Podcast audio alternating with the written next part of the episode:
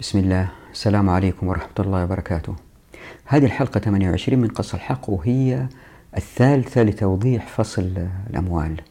فقط للتذكير فصل الأموال يتحدث عن الزكاة واللي هي آية الصدقات وهي أحد ثلاث آيات توضح العلاقة بين الأفراد والسلطات.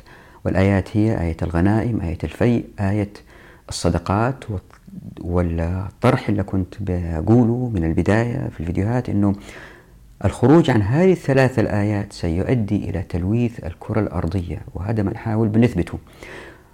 آه لأنه الآية هذه عن الصدقات فهي تؤدي إلى نوع من التدافع بين الناس. أوضح. آه ذكر التدافع في القرآن آه بصفة تدافع بين الأمم. لكن الآيات الثلاثة هذه والأحاديث اللي تتفاعل معها وتبين الحقوق توضح لنا كيفية التدافع التي يمكن أن تقع وكيف تأتي الشريعة لتوضيح حقوق كل جهة حتى لا يقع هذا التدافع. خلينا نعطي مثال. إذا أنت بتوقع عقد لبناء منزل مع مقاول قبل توقيع العقد أنت تحاول تطلب منه مواصفات زيادة هو يبين لك إنه لا والله كريم وما في مشكلة ويوافق عليها أكثرها ويمكن يرفع السعر ينزل السعر يصير نوع من الاتفاق. بس يتوقع العقد اللي يصير أنت تحاول إنك تزيد في المواصفات يمكن إذا ما كنت تخاف الله وهذا منتشر هذه الأيام وهو يقول لك لا ما هي موجودة في العقد. وأي نقطة خلافية بينكم ما ذكرت هو يتحجج بأنها ما هي في العقد. ففي نوع من التدافع بين الطرفين. كل واحد يشد بحيث أنه ياخذ خير أكثر من هذا العقد. نفس الشيء بين الأفراد والدولة.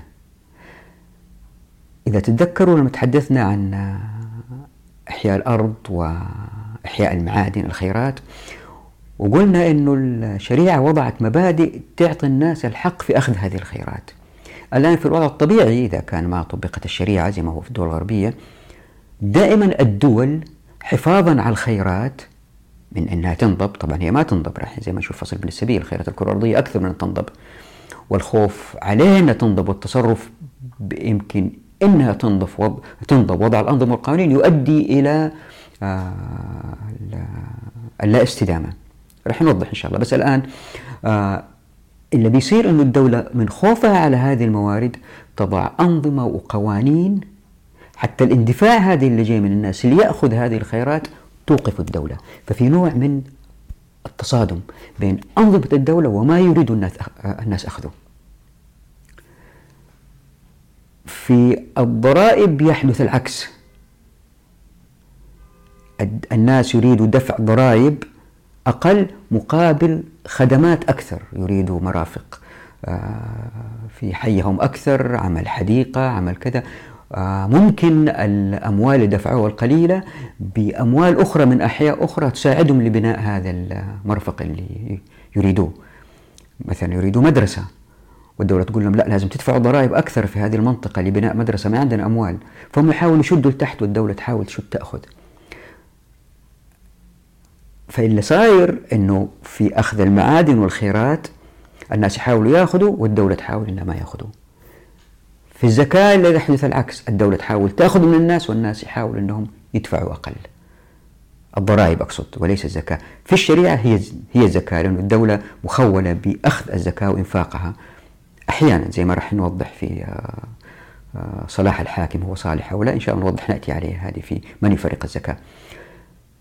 فسنة التدافع هذه في مجتمعاتنا الحالية أدت إلى ظهور طبقة بيروقراطية كبيرة عريضة شغلتها لا إنتاجية فعلا لكن هي تنظم الأنظمة والقوانين للأخذ المزيد من الأموال من الناس. وفي نفس الوقت تراقب الناس حتى ما يهربوا من دفع الضرائب أو الزكاة اللي هو. وفي نفس الوقت تضع أنظمة وقوانين حتى الناس ما يأخذوا الخيرات والمعادن. فتكونت طبقة بيروقراطية كبيرة لعمل هذا الشيء. أتت الشريعة بتوضيح الحقوق بطريقة واضحة في هذه المسألة حتى ما يقع هذا التدافع الذي يؤدي إلى استحداث بيروقراطيات جديدة. وهذه الحال نبينه في الفيديو هذا والقادم يمكن إلى بعده عن موضوع الزكاة. اللي هو في الإسلام ما في ضرائب أبدا غير هذه الأموال اللي تؤخذ من الناس. لذلك هي مهمة جدا عشان نفهمها. إذا تلاحظوا في الأنظمة والقوانين الحديثة عن الضرائب إنها دائما تتغير. تزيد تنقص دائما بتزيد. بتزيد في كميتها بتزيد في النوعيات التي تؤخذ منها الضرائب بتزيد في مقدار توقيتها. مثلا بدل ما تكون كل سنة تصير كل ستة شهور أو كل شهر أو هي دائما في زيادة. وأحيانا يروا قطاع معين بيزداد نشاطه بيزداد دخله. يهجموا عليه ويحاولوا ياخذوا منه. فدائما الدولة بتراقب مين اللي بيدخل أكثر عشان تشفط منه مال أكثر. هذا عموما. لذلك حتى لا يقع هذا الخلاف وما تصير مشاكل بين الدولة والناس أتت الشريعة واضحة في مسألتين مقدار الزكاة ووقت إخراجها. مسألة واضحة جدا جدا جدا. خلينا نشوف حديث آه الزكاة في صحيح البخاري اللي يبين هذه المسألة بوضوح. حدثني ثمامة بن عبد الله بن أنس أن أنسا حدثه أن أبا بكر رضي الله عنه كتب له هذا الكتاب لما وجهه إلى البحرين. هذه فريضة الصدقة التي فرض رسول الله صلى الله عليه وسلم على المسلمين والتي أمر الله بها رسوله. فمن سئلها من المسلمين على وجهها فليعطها ومن سئل فوقها فلا يعطى. في 24 من الإبل فما دونها من الغنم من كل خمس شاة. الحديث وفي شرح من سئل فوقها فلا يعطى آه، يقول ابن حجر العسقلاني أي من سئل زائدا على ذلك في سن أو عدد فله المنع. ونقل الرافع الاتفاق على ترجيحه وقيل معناه فليمنع الساعي وليتولى هو إخراجه بنفسه. أو يدفعها لساع آخر فإن الساعي الذي طلب الزيادة يكون بذلك متعديا وشرطه أن يكون أمينا. هذه عبارة من سئل فوقها فلا يعطى عبارة مهمة جدا. بترسم الحدود بين الأفراد والسلطات. يعني لو جاك آه، أنت مزكي واحد مسؤول من الدولة قال لك تدفع كذا كذا كذا وأنت ما أنت مقتنع لا ما تعطي. ليه؟ لأنك أنت هذه بالنسبة لك عبادة. ولأنها عبادة هي علاقة بين الإنسان وربه هي واجبة من هي حق للمجتمع حق للمجتمع في مال اللي عنده مال زائد. لكن زي ما تشوفوا الآن إن شاء الله في الحلقات الباقية وهذه الحلقة إن شاء الله أنه دائما الشريعة تقف مع الإنسان ضد السلطات إلا إذا السلطات عندها بينة قوية جدا جدا وهذه صعب إثباتها أو الإنسان رفض دفع الزكاة. هذا موضوع مختلف. وما قال أي واحد من العلماء بزيادة مقدار الزكاة. هو في رأي ضعيف جدا إذا واحد رفض يعطي الزكاة يؤخذ شطر ماله. لكن أكثر أهل العلم قالوا بأنها تؤخذ منه ويعزر مانعها. قال ابن قدامة ولم يؤخذ زيادة عليها في قول أكثر أهل العلم منهم أبو حنيفة ومالك والشافعي وأصحابهم. ولأن الزكاة مسألة عبودية ويصعب ضبطها من قبل السلطات لأن الناس يقدروا يخبوها يقدروا مثلا آه، يستخرجوا بعض الثمار ويبيعوها يحول الأموال إلى ذهب وما إلى ذلك. ففي مجال كبير للتلاعب بالذات في الأيام هذه في التجار اللي عندهم مستودعات والدولة ما تعرف بالضبط إيش اللي داخل وخارج في المستودعات هذه. وحتى إذا كان وجدت أجهزة تصوير وكمبيوترات في بعض الدول اللي فيها مئات البنوك اللي بتهرب إليها الأموال وبيصير غسيل أموال يعني حتى الدول المعاصرة اللي محتاجة الأموال ما هي قادرة تتغلب على هذا التلاعب لأنها مسألة تعبدية.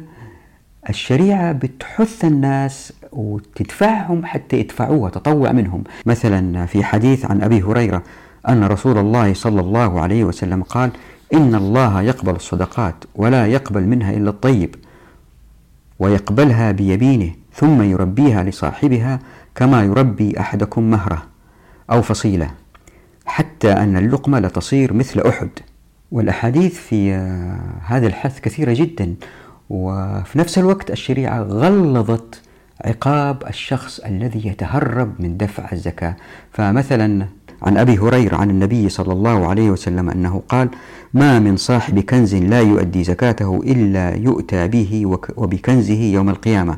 أوفر ما كان فيضرب صفائح ثم يحمى عليها في نار جهنم ثم يكوى بها جبينه وجنبه وظهره. كلما بردت صفيحة أحميت حتى يقضي الله بين خلقه في يوم كان مقداره خمسين ألف سنة. ثم يرى سبيله من الجنة أو النار. الآن يظهر سؤال يعني لماذا الشريعة تحفز الناس للدفع وفي نفس الوقت تخوفهم من عدم دفع الزكاة؟ والإجابة هي والله أعلم أن الزكاة مسألة تعبدية. والناس إذا أخرجوها بطيب نفس هي تؤدي إلى زيادة التمكين في المجتمع. بس السؤال لا زال قائم لماذا الشريعة تغلظ في العقاب وتدفع الناس وتشجعهم للدفع؟ ليه؟ الإنسان بكل بساطة يقدر يقول طيب الدولة تقدر تأخذها ببساطة. لا لأنه زي ما رايحين نشوف الشريعة تقف مع الفرد اللي هو بطيب خاطر يدفع الزكاة وتحد من أيدي السلطات حتى ما تتدخل في شؤون الناس. وبالتالي الزكاة كمصدر مالي لبيت المال ما يكون في حسبان المسؤولين إنها مصدر مستمر ومتدفق لبيت المال. ما يفكروا كذا أبدا. ليه؟ لأنه القضية فيها مخاطرة. قد يأتي المال قد لا يأتي فما يقدروا يسووا ميزانيات مستقبلية للإعتماد على الزكاة كمصدر دخل ثابت. هذه قضية مهمة جدا جدا زي ما راح نشوف في باقي فصل الأموال. حتى الناس لو ما دفعوا الدولة ما تقدر تغصبهم. إذا أنكروا هذا موضوع ثاني وفيها فيها فيها تفصيل. لأنه ما وجدت ولا فقيه قال سئلوا الفقهاء. يعني أحيانا يجي حاكم مستبد ويلعب في الأموال. سنأتي على تفصيل إن شاء الله. سئلوا بعض الفقهاء زي عبد الله بن عمر. طيب هذا بيأخذ الأموال بيلعب فيها نعطي له هي ولا لا؟ كان القول إذا أخرجتها أنت مباشرة للناس قمت باللي عليك.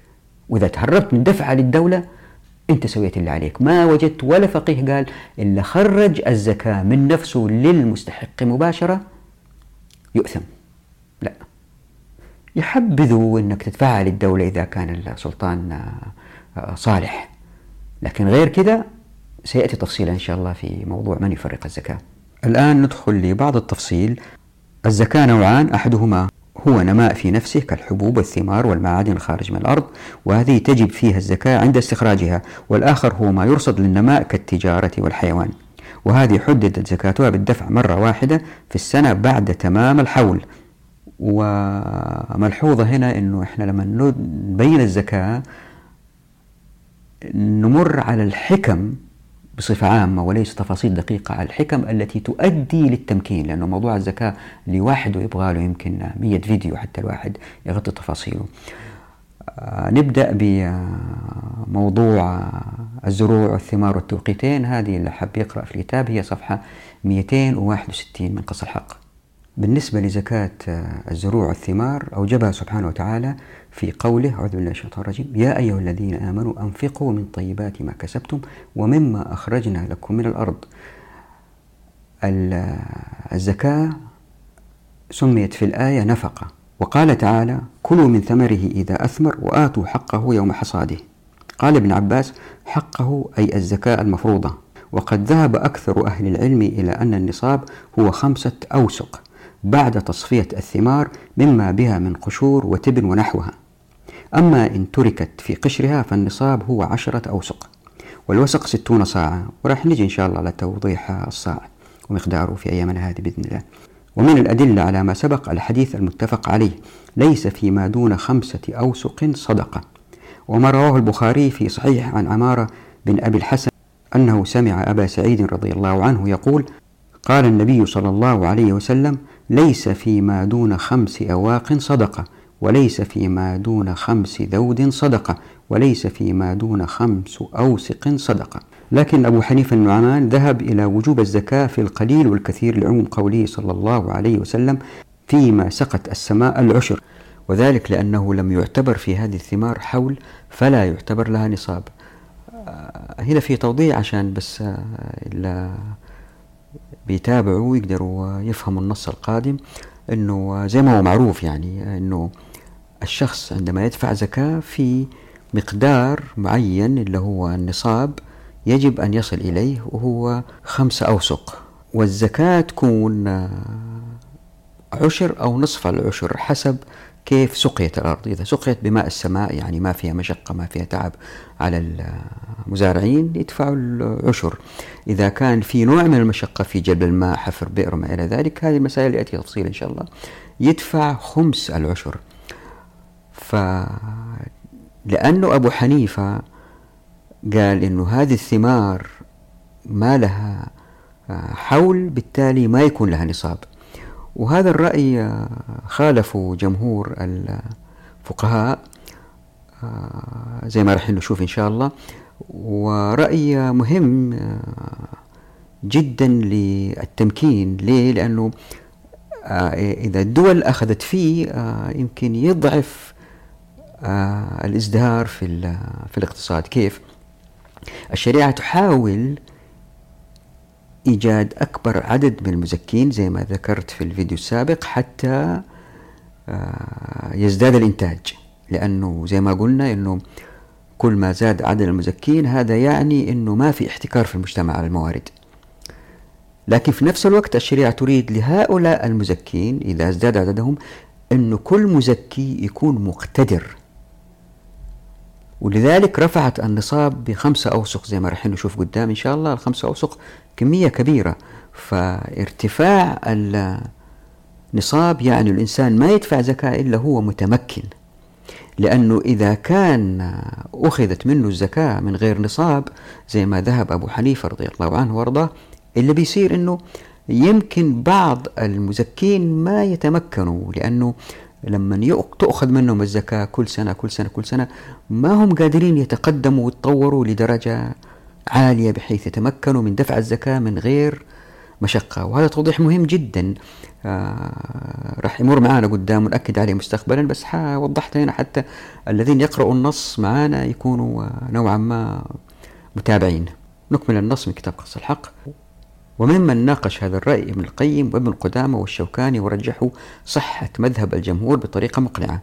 فقد قال ابن القيم مذهبه الله مناقشا لدحض رأي من أخذوا بما ذهب إليه أبو حنيفة وقد وردت السنة الصحيحة الصريحة المحكمة في تقرير نصاب المعشرات بخمسة أوسق بالمتشابه من قوله فيما سقط السماء العشر وما سقي بنطح أو غرب فنصف العشر. قالوا وهذا يعم القليل والكثير وقد عارضه الخاص. ودلالة العام قطيعة كالخاص. وإذا تعارضا قدم الأحوط وهو الوجوب فيقال يجب العمل بكلا الحديثين ولا يجوز معارضة أحدهما بالآخر وإلغاء أحدهما بالكلية فإن طاعة الرسول صلى الله عليه وسلم فرض في هذا. وفي هذا ولا تعارض بينهما بحمد الله تعالى بوجه من الوجوه. طبعا أول ملحوظة على النصاب واضحة هي أنها حددت بالأحجام وليس بالأوزان. فالصاع والوساق وهذه المكاييل كلها مكاييل حجم وليست وزن. السؤال هنا لماذا الرسول صلى الله عليه وسلم وجه الأمة لاستخدام المكاييل وليس الأوزان؟ يقول ابن قدامة موضح والنصاب معتبر بالكيل فإن الأوساق مكيلة وإنما نقلت إلى الوزن لتضبط وتحفظ وتنقل. ولذلك تعلق وجوب الزكاة بالمكيلات دون الموزونات. والمكيلات تختلف في الوزن فمنها الثقيل كالحنطة والعدس ومنها الخفيف كالشعير والذرة ومنها المتوسط. والذي أعتقد أنه نحن كأمة بحاجة إلى بحث مستفيض في هذه المسألة يمكن أحد قام فيه لا أدري ما مسحت كل الكتب. آه لدراسة العلاقة بين الأحجام والأوزان وأيهما أفضل لإخراج الزكاة في رأي وضعته هنا في في كتاب قصة الحق وراح أشرحه إن شاء الله. مبني على النصوص وليس اجتهاد برأي لقناعتي بقصور العقل البشري. آه، واللي أعتقد أنه استخدام الزكاة بالمكاييل يؤدي إلى تخفيف الخلاف المتوقع بين الأفراد والسلطات إن حدث خلاف لأنه المكاييل أوضح بكثير من الأوزان. خلينا نوضح. وجوب الزكاة في بدو الصلاح يعني قبل جفاف الثمر. جاء في المجموع توضيح ولا يجب العشر حتى يبدو الصلاح في الثمار وبدو الصلاح أن يحمر البسر أو يصفر ويتموه العنب لأنه قبل بدو الصلاح لا يقصد أكله فهو كالرطب وبعده يقتات ويؤكل فهو كالحبوب. أما وقت الإخراج فهو بعد تصفية الحب وجفاف الثمر. وإذا أخرج المالك للتمر والعنب مثلا الزكاة مباشرة لم تجزئ في معظم الأقوال إلا إذا كانت الثمار من الحبوب مثلا لأنها تقريبا جافة. وذلك لقوله سبحانه وتعالى وآتوا حقه يوم حصاده. أي أن الشريعة وضعت وقتا محددا لوجوب الزكاة يحق فيها للمالك التصرف في الثمرة والحب قبل الوجوب. أما بعد بدو الصلاح فهو ملزم بالزكاة. ثم وضعت الشريعة وقتا آخر بعده لإخراج الزكاة وهو وقت تصفية الحبوب وجفاف الثمر. وما بين التوقيتين هو الزمن الذي يحتاجه المالك لتجهيز الثمر ليكون قوتا.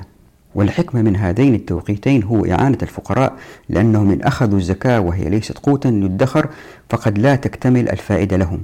لذلك قصت الشريعة بالإلزام بالزكاة في وقت ثم الإخراج في وقت آخر لتقع مهمة تحويل الثمار لقوت يدخر على كاهل المزكي والذي هو أكفأ من الفقراء في هذه المسألة. أي مسألة القوت المدخر؟ فأخذ زكاة الكروم كزبيب أدوم الفقير من أخذه كعنب وأخذ التمر أدوم له من أخذه رطبا وهكذا.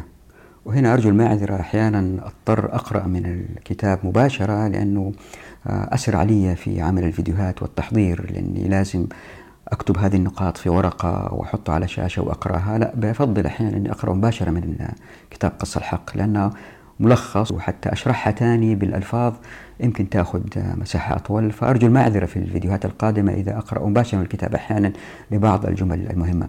الآن خلينا نقارن هذه المسألة اللي راحت عن التوقيتين بالأوزان والأحجام عشان نرى الحكمة العميقة في إيجاد مجتمع لا يحدث فيه الخلاف بين المزكين وبين السلطات وفي الوقت ذاته لأنه ما في خلافات وأن الرسوم في الحقوق موضحة مخصوصة الحقوق. هذا يؤدي إلى عدم ظهور طبقة آه، بيروقراطية في الدولة إلا يمكن تكون بذرة لإقامة دولة ذات سلطات تستعمر الأمة داخليا بحسن نية. زي ما شفنا في الزكاة في توقيتين والتوقيتين مهمين لأنه الفقراء في العادة يصعب عليهم التعامل مع المواد الرطبة في التخزين. يعني العنب آه، أصعب عليهم في التخزين من أن يكون زبيب. ولأن الفقراء قد لا يملكوا المكان أو الأجهزة أو اللي يكون للتجفيف. فأتت الشريعة لحكمتين أنه الفقراء عشان يتمكنوا من العطاء والإنتاج لأنه أبواب التمكين مفتوحة والعائق الوحيد تقريبا والأكبر هو الجوع.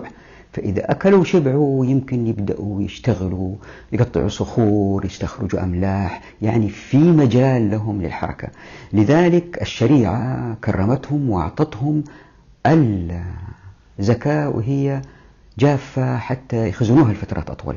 فهذه حكمة. الحكمة الثانية أنه الفرق بين التوقيتين حتى ما يصير في خلاف بين الناس والسلطات.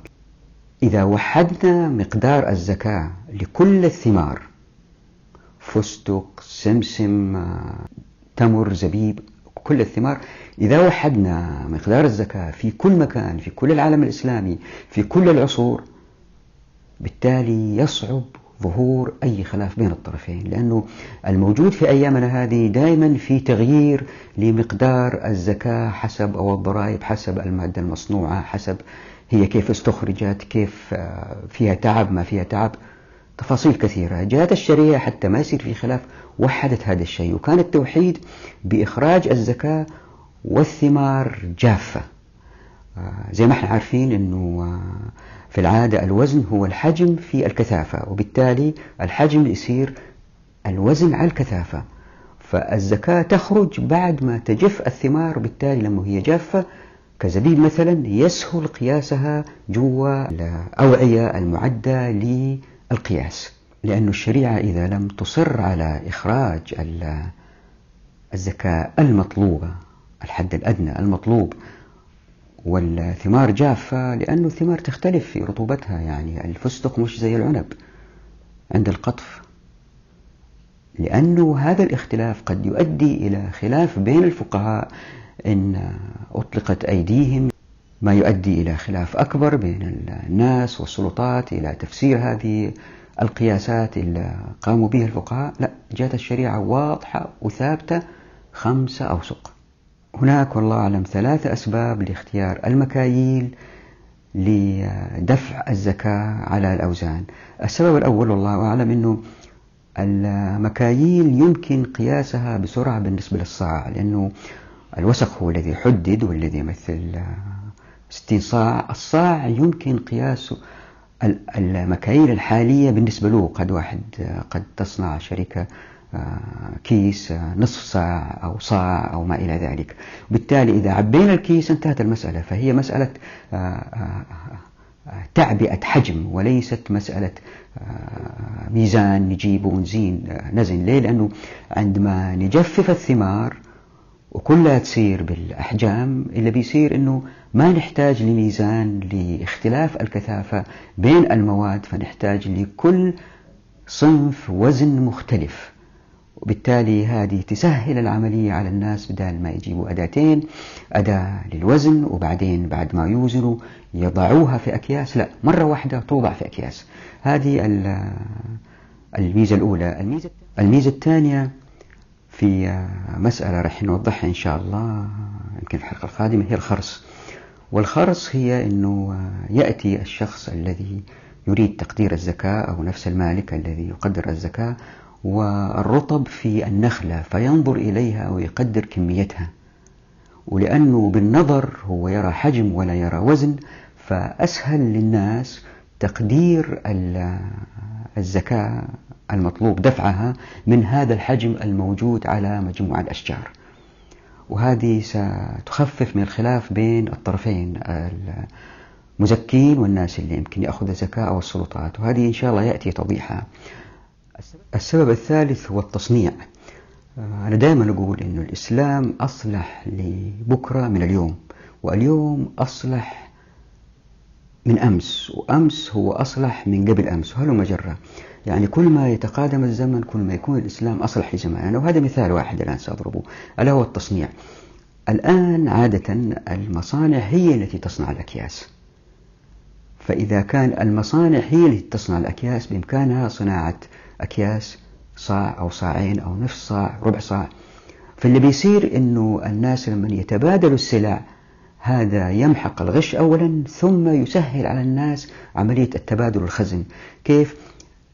لأن الكثافات مختلفة بين المواد يصعب على الناس حفظ الأحجام للمواد المختلفة. يعني الشخص قد يصعب عليه أنه يحفظ كم حجم الزيتون إذا كان كيلو وكم حجم الفستق إذا كان كيلو أو السمسم إذا كان كيلو. يختلف الحجم في كل مرة. لكن إن كان التعامل دائما بالأحجام فاللي بيصير لأنه المصانع بتصنع أكياس بمقاسات مختلفة في الغالب آه، مقاسين ثلاثة. فالناس عندما يشتروا البضائع وبالذات إذا الكيس مثلا كان مثلا لتر أو لترين وفي علامة في وسط الكيس تبين أنه هذا نصف هذا ربع بكل بساطة تصير في المصنع. فالناس يصعب غشهم. ليه؟ لأنه لما يشتري مادة بيشتري نص كيس ربع كيس كيس كامل. كيسين ثلاثة أولا. ثانيا لما هو بيتعامل مع الأكياس إذا على فرض بيستخدم الأكياس هذه أيضا للتخزين بيشتريها من المكان من غير ميزان وهي مليانة أو نص مليانة بيجي في البيت بيخزنها على فرض أنه نبغى ندعم التنمية المستدامة وما نبغى نخسر أنفسنا أكياس أنا عندي كيس مقاسه كذا أعرفه ضامنه ووديه الراجل يعبي لي هو في الكيس فيعبي لي هو للعين تمر أعرف أنه هذا صاع أو نصف صاع أو لتر أو لترين. فبالتالي إحنا آه، جمعنا أو ضغطنا مسألة البيع والشراء من الأدو في الأدوات من جهازين إلى كيس واحد. وهذه توفر على المجتمع أموال طائلة إذا فكرنا فيها في كل المجتمع في كل المحلات في كل الموازين. وزي ما يقول المثل عين الحر ميزان. أنا مرة قبل حوالي أعتقد 25 سنة أو لا أتذكر ضحيت في الأردن في عيد الحج و وكان في جزار وبيقطع اللحمة واحد يقول له 2 كيلو 3 كيلو بسرعة يعطيه 2 3 كيلو قلت له أنت ما بتوزن كيف بتعطي الناس هذه الكميات؟ واحد يطلب 2 كيلو 3 كيلو واحد يقول له يجيب لك أضحية يقول لك وزع وزع وزع هي كل 4 كيلو في في في كيس بتسويها بسرعة من غير ما توزن. قال لي تراهني؟ كم كيلو تبغى أعطيك هو؟ قلت له أعطيني ثلاثة كيلو. قطع قطع من اللحم وقال لي هذه ثلاثة كيلو. بعدين حطها على الميزان طلعت ثلاثة كيلو إلا أو زائد شيء بسيط. عين الحر ميزان. الناس مع التجربة لأنهم بيستخدموا الأسواق يوميا وإذا استخدموا الأكياس يوميا ما حد يمكن يلعب في آه، بضائع ونوعياتها وأحجامها وبالتالي ما حد يقدر يتلاعب في الزكاة. هي واضحة للجميع. وأظن الحلقة الآن كده طالت وما نقدر ندخل على الموضوع القادم ألا هو الحكمة من الخرص. لكن ثقوا تماما أوعدكم إن شاء الله بإذن الله وتمكن أتمكن من الوفاء أنه هناك حكم عميقة من الزكاة تؤدي إلى جعل الزكاة أداة تمكين للناس حتى يزداد الجميع عطاء لأنهم تمكنوا ولأن الأبواب مفتوحة للتمكين بالتالي تزدهر الأمة اقتصاديا. آه بس قبل ما نمشي في موضوع ألا وهو الصاع ومقدار الصاع ووضعت آه، هنا في الشاشة حوالي أربعة خمسة صفحات اللي حب يوقف الشاشة ويقراها. مسألة مضيت فيها حوالي ثلاثة أربع شهور عشان أفهم بالضبط مقدار الصاع. وجدت أنها تعادل بالتقريب 2.16 أو 2.17 كيلو جرام بالوزن وهي في الأرجح 2.75 لتر. آه، طبعا هذه بعد آه، مسائل طويلة واحد مر عليها عن المد وعن آه، المثقال وعن طريقة وضوء الرسول صلى الله عليه وسلم وأقوال الفقهاء وكيف حسبوها بالثمار وما إلى ذلك. وإلا حب من طلاب العلم يقرأها. وضعت وضعتها على الشاشة. هي آه، فيها نوع من التمرين الفكري للي حب يشوف كيف المسلمين خلال العصور جزاهم الله خير لأنه هذه أداة مهمة في قياس أهم وسيلة لانتقال الأموال في العالم الإسلامي ألا وهي الزكاة. حافظوا عليها بطريقة شديدة. كان صاع الرسول صلى الله عليه وسلم في المدينة الكل يحتفظ فيه وأتناقلوه جيل عن جيل. مسألة حلوة إذا الواحد يقرأها. ومن الذين وصلوا بأبحاثهم إلى تقدير الصاع علي باشا مبارك في كتابه الميزان في الأقيسة والأوزان وقال إنه الصاع يعادل 2174.4 جرام وبالنسبة للأحجام أستنتج أن الصاع يعادل 2.75 لتر من الماء تقريبا. أما القرضاوي أتوصل في كتابه فقه الزكاة إلى أن الصاع يعادل 2.156 كيلوغرام حسب الوزن بالقمح وأن هذا المقدار يساوي لترين وخمسة وسبعين في المية. نراكم على خير ونلتقي إن شاء الله في الحلقة القادمة نتكلم عن باقي مسائل الزكاة ولازم نتذكر دائما مسألة الزكاة. الواحد ما يقدر يفهمها من فيديو واثنين لابد تتابعوا معايا جميع الحلقات إلى آخر فصل الأموال. حتى تقتنعوا كيف الإسلام يؤدي إلى التمكين وليس كما صار مع الأسف في الفترة الأخيرة. بعض الفقهاء تنازلوا وحولوها إلى أوزان. دعواتكم.